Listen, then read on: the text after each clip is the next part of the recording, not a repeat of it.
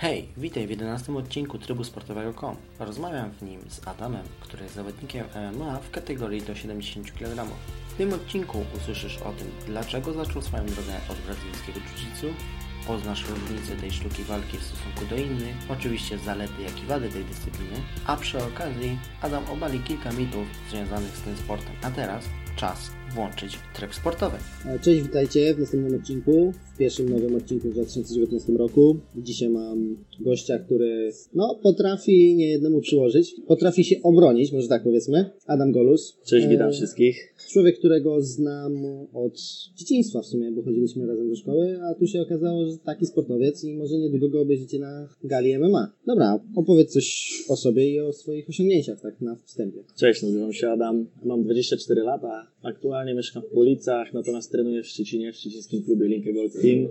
Mm, Związany ze sportami walki jestem już można powiedzieć od 10 lat. W czasach właśnie gimnazjum, jak poznaliśmy się z Konradem, to zacząłem trenować. Swoją przygodę ze sportem w ogóle to jako dzieciak zacząłem od piłki nożnej, a później zakończyła się przygoda z piłką nożną. Nie wiedziałem co ze sobą zrobić, zawsze lubiłem rywalizację i sport. I tata zaprowadził mnie na zajęcia judo, pamiętam, właśnie 10 lat temu. Wziął mnie za rękę, powiedział, ja kiedyś trenowałem fajny sport, mój tata kiedyś był judoką, zaprowadził mnie na zajęcia judo i tak zaczęła się moja przygoda. Tak Ile miałeś wtedy lat? z BJJ. 14 lat, 13-14 lat, taki przedział. był. Czyli od razu możemy zabić mit, że judo albo sztuki walki nie mogą być dla dzieci. Jak najbardziej mogą być dla dzieci. Hmm. Później, później porozmawiamy, rozwiniemy trochę ten temat. Dobra. Zaprowadził mnie tata na treningi, pokazał mi jak to wygląda. Od razu zakochałem się w tym sporcie. Zaczęło się od judo. Trenowałem judo 3-4 lata i równocześnie po naszej grupie judo zaczynała się grupa brazylijskiego jiu-jitsu, gdzie przychodzili e, dorośli i zawsze po treningu zostawaliśmy z chłopakami, oglądaliśmy jak oni trenują. My takie małe knypki przewracamy się, rzucamy, a oni tacy dorośli duszą się, dźwignie, taki bardziej brutalny to był sport i każdy z naszych młodych dzieciaków z kolegami byliśmy zajarani to jak to wygląda. I z czasem trener powiedział, że możemy przychodzić na te zajęcia. I tak się wdrożyło, że z judo jakoś automatycznie przeszedłem na brazylijskie jiu-jitsu. I trenuję tutaj do dzisiaj. Nie? Czyli po prostu miałeś zajawkę na sport dla dorosłych, jako dzieciak po prostu. Wszystko, co dla dzieciaków Tak. jest to- zabronione jakby w ich umysłach, albo zabraniają im starsi, to oni chcą to robić i może to było motywacją, czy...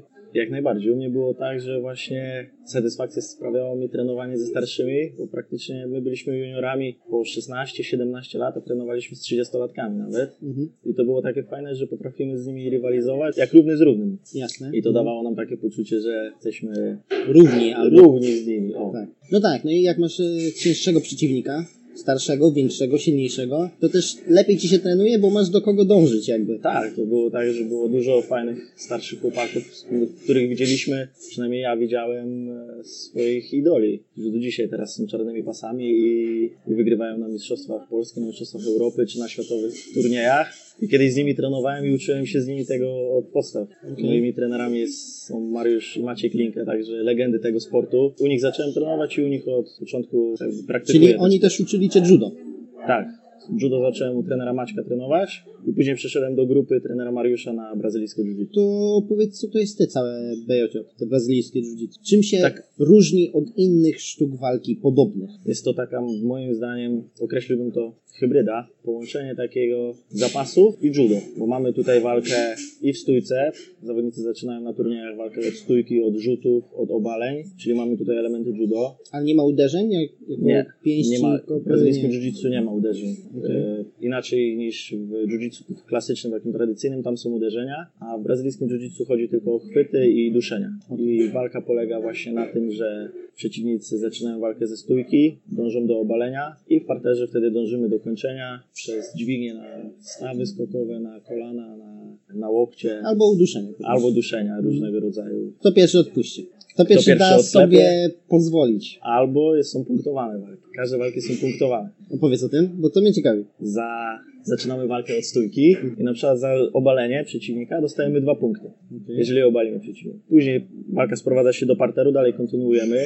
Jest sędzia, który nad wszystkim czuwa, nad bezpieczeństwem zawodników i za takie na przykład dojście do dosiadu, wykonujemy dosiad, mamy cztery punkty.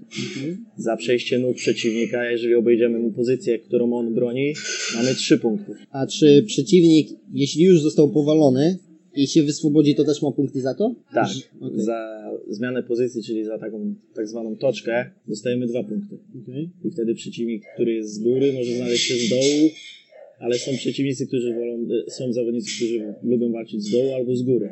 I tutaj mamy podział na zawodników. Także Dlaczego ktoś by bardzo- chciał być na dole? Z dołu można wykonywać różnego rodzaju duszenia i dźwignie, ale tak samo i z góry. Jest taki dobór technik i przekrój, że każdy tak naprawdę znajdzie coś dla siebie w tym sporcie.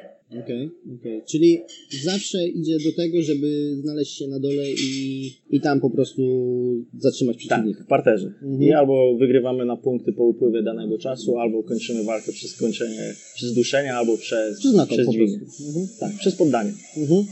Um, ile czasu trwa runda i ile ich jest? Zależy od kategorii wiekowych i podziału na pasy. Na przykład w MMA mamy trzy rundy po 5 minut standardowe, a w BJJ wyróżniamy podział na przykład na czarne, na czarne pasy, brązowe, purpurowe, niebieskie i białe.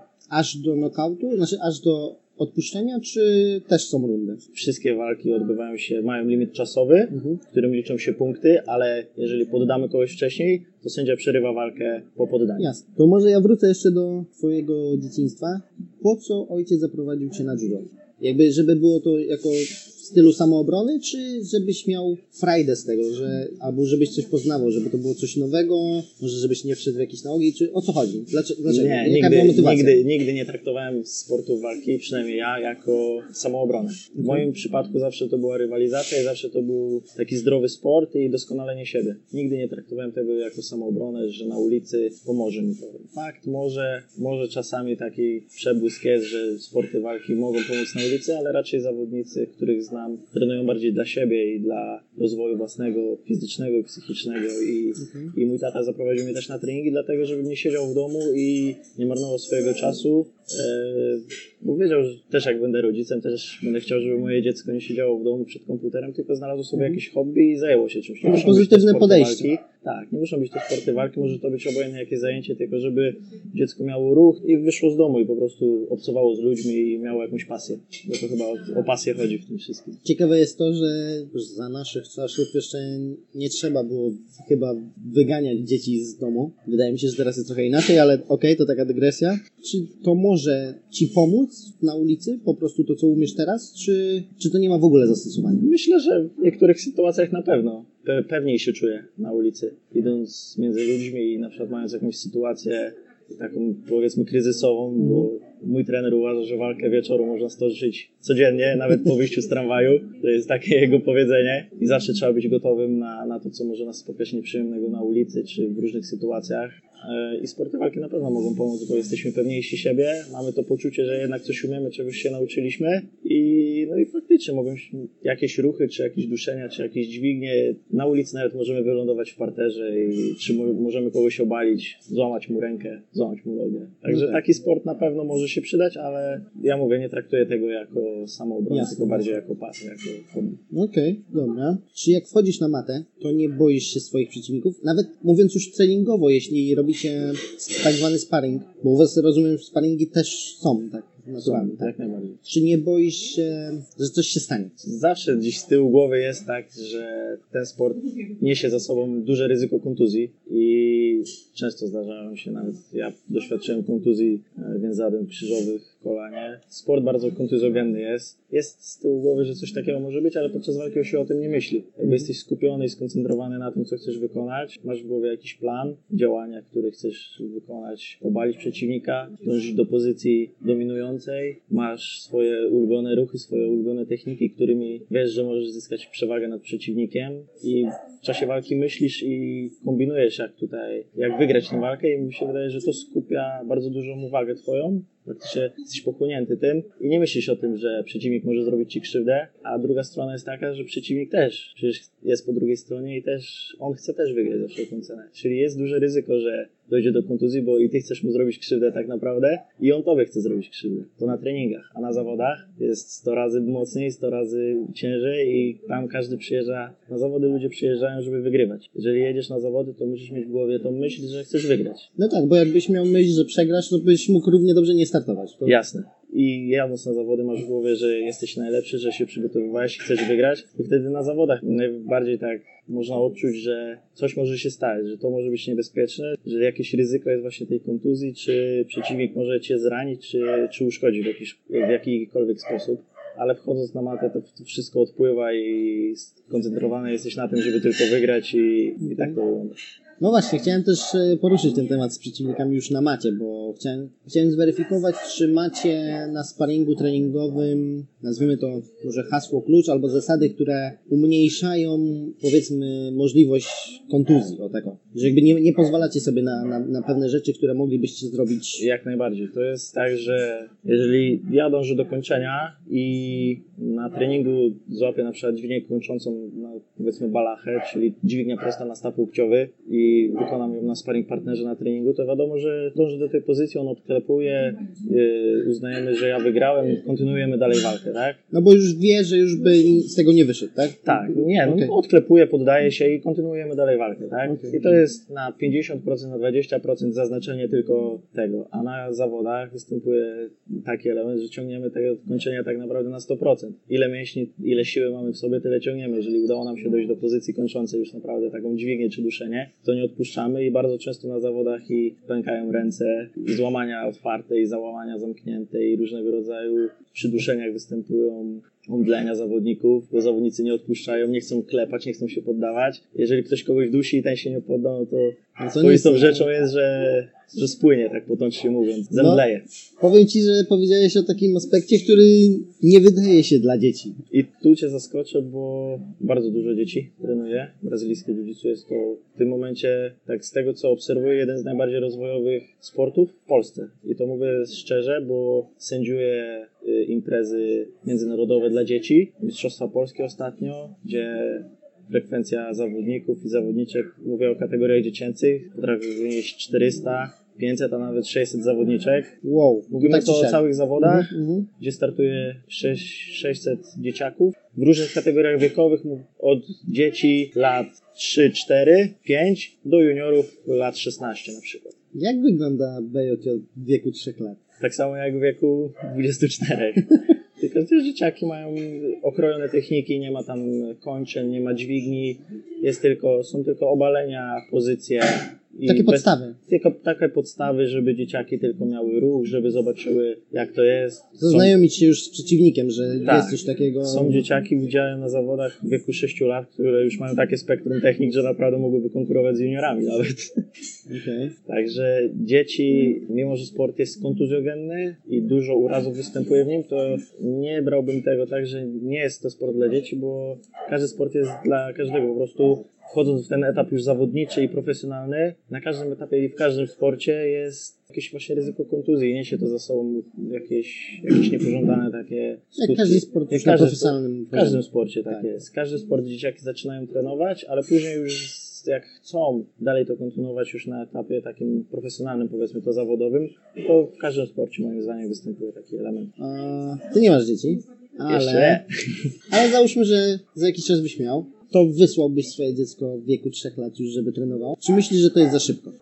Myślę, że tak. Przychodziłoby ze mną na matę, nawet w wózku przyjeżdżało, ale trenując u siebie w klubie widzę, że moja drużyna trochę ma takie podejście, mój trener Mariusz Linka ma podejście, że drużyna to jest rodzina i u mnie bardzo dużo starszych zawodników, którzy mają już dzieci, mają rodziny, zapraszają na treningi swoje żony, później te żony przyprowadzają dzieci, później robi się takie rodzinne grono, że dziecko nawet samo jest zainteresowane, co rodzice robią i że tata trenuje, o to jest fajne. Często rodzice przyprowadzają dzieciaki, żeby właśnie zobaczyły, jak, jak to wygląda i widzę, że nie ma przymusu, że muszą to trenować. Dużo ludzi podchodzi z dystansem, że dziecko niech robi co chce, ważne, żeby miało pasję i hobby, ale fajnie by było, gdyby robiło to, co tata. Znaczy, ja mając swoje dziecko, nie wiem, jakbym teraz postąpił, na pewno chciałbym, żeby przyszło na matę ze mną, pospędzało czas, zobaczyło jak, jak to wygląda, ile trudu wkładam w te treningi, jak się przygotowuję na przykład do walk. I jeżeli by się mojemu dziecku to spodobało, to czemu nie? Właśnie, to teraz przejdziemy do takiego psychicznego bardziej tematu. Jak ten sport na ciebie wpływa? Bo o co mi chodzi? Czy on wpływa na ciebie na tyle pozytywnie, nie wiem, powiedzmy uspokajacie, czy tą agresję, którą gdzieś tam załapiesz w ciągu dnia, możesz się spożytkować na treningu, żeby określić, jakby to wpływało też na dzieci. Czy to po prostu tak samo na nie by wpływało? Dzięki temu by na przykład chroniło je przed jakimiś no, durnymi rzeczami do zrobienia. No. Chodzi ci o to, czy sport uspokaja, czy raczej, Tak, bardziej tak. rodzi agresję? Tak. W moim przypadku jest tak, że sport raczej uspokaja. I widzę to na przykładzie bardzo dużo zawodników, że jednak oni wszyscy znajdują ukojenie w tym, że przychodzą na matę, jest to miejsce, gdzie mogą się wyżyć, mogą wyrzucić te złe emocje dnia codziennego podczas treningu i wychodzą z treningu z pustą głową, z czystą głową, mogą wrócić do rodzin, mogą wrócić do swoich dziewczyn, do domu i kontynuować swoje obowiązki dnia codziennego. A pytałeś, czy bardziej uspokaja, czy rodzi agresję? Wydaje mi się, że uspokaja, bo uczy dyscypliny ten sport, pokazuje, że nie jesteśmy najlepsi, zawsze znajdzie się ktoś, kto nas pokona. Także musimy kontrolować swoje emocje, musimy radzić sobie z przegraną, musimy radzić sobie ze, ze zwycięstwami, bo i zwycięstwa, i porażki uczą nas jakby czegoś nowego, nowe doświadczenia to są. Codziennie na, na treningu wygrywamy, codziennie na treningu przegrywamy. Pokazuje nam to, w jakim, na jakim etapie jesteśmy i sportowym, i właśnie takim psychicznym. I w moim przypadku jest tak, że wychodzę z maty zawsze spokojniejszy. Na macie mogę wyładować tam agresję, bo zbiera się na przykład w ciągu dnia i w pracy, i rozmowach z ludźmi, nieraz nerwowe sytuacje i dużo pracuję, żeby zarobić na, na, na, na swoją przyszłość i tam zbierają się takie negatywne emocje, jakieś nerwy. Idę na trening, tam jestem tylko ja, mata, sparring partnerzy i mogę się wyżyć. I moim zdaniem ludzie, którzy trenują są raczej spokojniejsi niż agresywniejsi, bo mają gdzie tą agresję spożytkować i wyładować. Czy pytałem o to właśnie pod tym kątem też właśnie dzieciaków, że dzieciaki widzą, że ojciec powiedzmy w domu jest właśnie jak mówisz, wpływa to na niego, że jest spokojny i zajmuje się sw- swoimi jakimiś obowiązkami tak powiedzmy w normalny sposób, taki jaki powinien. I nagle widzą ten, to drugie oblicze ojca na macie, że on jest nagle taki agresywny, ale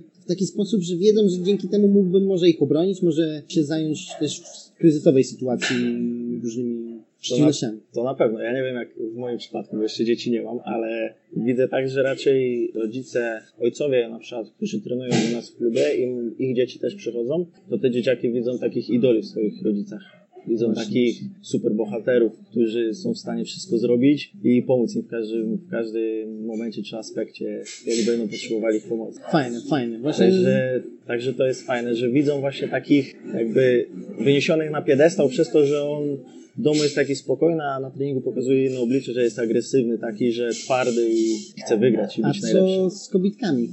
Ci trenują? Tak. Trenuję, dużo kobiet trenuje. Natomiast ja nie chciałbym, żeby moja kobieta trenowała. O, nie podoba. Sparingi w domu Nie codziennie. podoba mi się to akurat, że dziewczyna wraca do domu z siniakami czy z jakimiś kontuzjami. To moim zdaniem nie jest to fajne takie w domu, żeby oglądać, że twoja dziewczyna ma siniaka, czy podbite oko, czy nie daj Boże złamaną rękę, albo że się źle czuje i nie ma siły nawet z tą porozmawiać, bo jest zmęczona po treningu. Znam dużo dziewczyn, dużo dziewczyn trenuje i to z sukcesami, tak samo u nas w klubie i radzą sobie bardzo dobrze, nawet z mężczyznami podczas sparingów. Trzeba uważać, bo są podstępne i naprawdę potrafią tak kontrolować walkę i poprowadzić, że jak w życiu wychodzi wszystko na, na ich, Tak, nie? tak, oczywiście, oczywiście, tak. No, to na zawodach i na treningach jest, jest tak samo. Bardzo dużo kobiet startuje z sukcesami, bardzo popularny się staje wśród kobiet. Zauważałem, że w innym sporcie może nie poradziłyby sobie tak, jak mogą sobie poradzić w tym sporcie. Przykład kobiety nie mają predyspozycji do grania w piłkę nożną, są jednostki, czy w innych sportach siłowych, a tutaj w tym sporcie, jakim, jak, jakim jest brazylijskie jiu-jitsu, mamy połączenie i siły, i techniki, i kondycji, i wytrzymałości, także każda kobieta nawet znajdzie coś dla siebie i w każdym aspekcie się odnajdzie. Nie będzie na przykład taka silna, ale będzie nadrabiała wytrzymałością. Nie będzie taka wytrzymała, ale będzie na przykład nadrabiała siłą i sobie może poradzić nawet z e, dużo cięższym i silniejszym facetem. Czyli, że jakby ten przekrój pozwala na, na swój styl, po prostu zbudowanie stylu. Tak, Okej. właśnie dużo kobiet przychodzi, jeden, drugi trening i zaczyna im się to podobać, bo zobaczyły, że mogą rywalizować na równi z facetami albo z innymi dziewczynami i tak samo one mają dużo problemów dnia codziennego i przychodzą na trening, też mogą się tam wyżyć. Mogą porozmawiać ze znajomymi, mogą e, spożytkować swoją energię, a do tego jeszcze dochodzi rywalizacja, gdzie jeżeli wygrywamy, to wtedy, wtedy się czujemy tacy No podniesieni. tak, okej. No to co? No to mówisz o tym tak w superlatywach. W sumie jedną już zaletę mamy, że uspokaja, tak? Że pozwala niwelować ten stres. Jak najbardziej. A jakieś dwie jeszcze byś znalazł? Plusy sportu? Mhm, mhm. Na pewno rozwija nas psychicznie, no i fizycznie. Tak? Jesteśmy, trenując w ogóle jakikolwiek sport, jesteśmy rozwinięci bardziej fizycznie. Mamy lepszą kondycję, lepszą wytrzymałość, lepszą siłę i to nam pomaga w życiu codziennym, tak? Mhm, mhm. A jeżeli trenujemy na profesjonalnie i zawodowo już dany sport, no to przykładamy taką szczególną uwagę do budowania siły, do budowania wytrzymałości, do budowania wydolności. No i pod tym względem możemy się pochwalić, że każdy, każdy sportowiec może się pochwalić przed przeciętnym człowiekiem, że, że no on robi coś, żeby na przykład jego samopoczucie było lepsze, żeby jego zdrowie było lepsze, bo tu nie ukrywam, że można walczyć tym sportem, takim jak z BJJ, można walczyć z otyłością, można walczyć z nadwagą, że to, są, to jest ewidentny plus Mhm. tego, tego sportu. I co? No i psychiczny chyba taki element. Właśnie, że, że w głowie mamy poukładane, że jesteśmy spokojniejsi, że jakby, jeżeli poradzimy sobie z przeciwnikiem na macie, dużo silniejszym od nas, to dlaczego nie mielibyśmy sobie poradzić w życiu codziennym z obowiązkami i z tym, co nas czeka czas pracy, czy, czy w jakimś planie dnia. Okej, okej. To teraz przejdziemy do trudniejszej wersji, do wad. Czyli na pewno jakieś są. Są, na pewno taką wadą, co już wspomniałem, są kontuzje i, i urazy tego sportu, no bo niesie to, tak jak mówiłem, niesie to za sobą ryzyko, że jakieś kontuzje możemy doznać i wykluczy nas to nawet z e, funkcjonowania w życiu takim codziennym. Jasne, ale mówisz o takim... Kontuzje są w każdym sporcie. Każdym. Tak, więc to bym pominął. Czy jest jakaś taka wada tego sportu, po prostu BJJ, która jest taka unikalna na, na, na jakby w gamie spektrum sportów? Bardzo widocznym takim e, elementem są uszy zawodników. Nie wiem, czy słyszałeś o kalafiorach popularnych. Że takie długie, tak? Naciągnięte uszy, tak? Czy... Takie uszy pękają chrząstki i Okej. chrząstka pęka, wylewa się taka maź z ucha. Trzeba ją odsączać, strzykawkami odciągać, bądź rozcinać ucho, żeby ta, ta maź wyleciała z ucha i pozostają po prostu takie narośla na uszach. I potem można łatwo zidentyfikować na ulicy nawet zawodnika BJJ albo zawodniczka. To w przypadku kobiet to w ogóle brzydko wygląda. Ale zawodnicy borykają się właśnie z problemami tych uszu i tych małżowin, które pękają i to jest taka wada, że pracujemy na przykład w jakiejś korporacji czy jakimś biurze i mamy do czynienia z klientami czy z jakimiś petentami, a tu mamy takie nagle uszy, które, które szpecą nasz wygląd. To jest taka wada typowo brazylijskiego jiu-jitsu zawodników. To Przypomniał mi się słoń, ale nie pamiętam z jakiej bajki. On też ma takie długie uszy. Dumbo. Dumbo, tak, tak, dokładnie. Dobra, jakie inne sporty byś polecił ludziom? To jest już taka moja tradycja, że każdego gościa pytam. Co jest twoją odpowiedzią? Mogę się odnieść do tego brazylijskiego jiu-jitsu, że gdybym mógł polecić jakiś sport, który by pomógł w sportach walki w ogóle, albo w MMA, bo mam też swój element życia, mój polega na zawodowym trenowaniu MMA, wybrałbym chyba zapasy. Jako teraz sport taki wiodący, chciałbym zacząć przygodę swoją ze sportem od zapasów, nie od piłki. Zamiast być piłkarzem, wolałbym być zapaśnikiem, ponieważ zapasy moim zdaniem kształtują każdy element właśnie jakby sportowy zawodnika. Zawodnik zapaśnik jest przygotowany i fizycznie, i psychicznie, i siłowo, i wydolnościowo, i kondycyjnie. I może startować w każdych w każdej płaszczyźnie, w każdych jakby sportach. No, w sportach walki, Okej. żebyśmy się dobrze zrozumieli. Chodzi ci, że po prostu w parterze by zawsze się odnalazł, tak? I w parterze by się odnalazł i w stójce. W formule MMA na przykład zapaśnicy wiodą prym teraz w tych czasach i mają najlepsze przygotowanie takie fizyczne pod e, sporty uderzane. Zapaśnicy dokładają tylko boks albo jakiś sport uderzany do swojej bazy zapaśniczej i moim zdaniem są niepokonani w klatce. Brzmi nienaturalnie, że to nie jest takie oczywiste, ale może coś w tym jest. No, Coś w tym jest. Nie wiem, czy słyszałeś o UFC? tak, amerykańska ta. Amerykańska organizacja, w której teraz w dywizji lekkiej, e, gdzie Conor McGregor Mhm. królował, teraz na tronie siedzi Khabib Nurmagomedov I oczywiście zgaduję, że to jest były zapaśnik. i jest zapaśnikiem, który jest nie do przejścia i Conor McGregor nie miał w ogóle szans w pięciorundowym pojedynku z nim, także Więc udowodnił, że coś w tym jest. udowodnił, że zapasy jednak mają siłę, mają przewagę. I polecałbym właśnie, żeby jeżeli miałbym wybrać jakiś sport, który chciałbym trenować albo który chciałbym polecić, to właśnie zapasy. Mimo, że u nas na przykład w naszym regionie jest mało rozwinięty i tu w Policach, gdzie mieszkam, nie ma sekcji zapaśniczej, to że ciężko by było trenować. No z samym sobą to ciężko, fakt. Zwłaszcza zapasy. Dobra, no to na koniec, gdzie można Cię znaleźć w internecie, w świecie realnym? W świecie realnym zapraszam wszystkich na treningi do klubu Link Gold Team do Szczecina na ulicy Mickiewicza 34. Kiedy Tam macie treningi? Trenujemy codziennie od poniedziałku do piątku. Śmiało można wpaść, wystarczą spodenki i koszulka, żeby przyjść zobaczyć jak to wygląda, z czym się to je, czy nam się to spodoba. Jeżeli tak, no to zostaniemy na dłużej i, i spotkamy się na macie. A w internecie to zapraszam wszystkich do odwiedzenia mojego fanpage'a Adam Golus na Facebooku i na Instagramie tak samo Adam Golus. Galeria moich zdjęć i tam można polajkować, zaobserwować. Dobra, czyli oczywiście linki wszystkie będą w opisie odcinka, więc spokojnie je znajdziecie. To co, co można Ci życzyć? Wygrania na macie pewnie. Zdrowia i kolejnych wygranych. Tak, dokładnie. No to tego Ci właśnie życzę. Oby przeciwnicy wchodząc na matę bali się, że walczą z Tobą, a nie z kimś innym. No i tyle. No i dzięki za wywiad. Było miło. Hej. Dziękuję bardzo. Pozdrawiam wszystkich. Chciałbym jeszcze raz podziękować Adamowi za ciekawą rozmowę i życzyć mu dalszych wygranych w profesjonalnym sporcie. Dodatkowo przepraszam za jakość audio tego odcinka, ale nagrywaliśmy w kawiarni, przy której ciągle ujadał pies. Sądziłem, że mikrofony tego nie wyłapią. Mój błąd, niestety. Niemniej mam nadzieję, że odcinek się podobał i zasubskrybujesz mój kanał na platformie, na której słuchasz tego podcastu. Będzie mi miło, jeśli dodatkowo udostępnisz go dalej lub skomentujesz odcinek. Inne odcinki usłyszysz także na stronie trybsportowy.com. Do usłyszenia w następnym odcinku.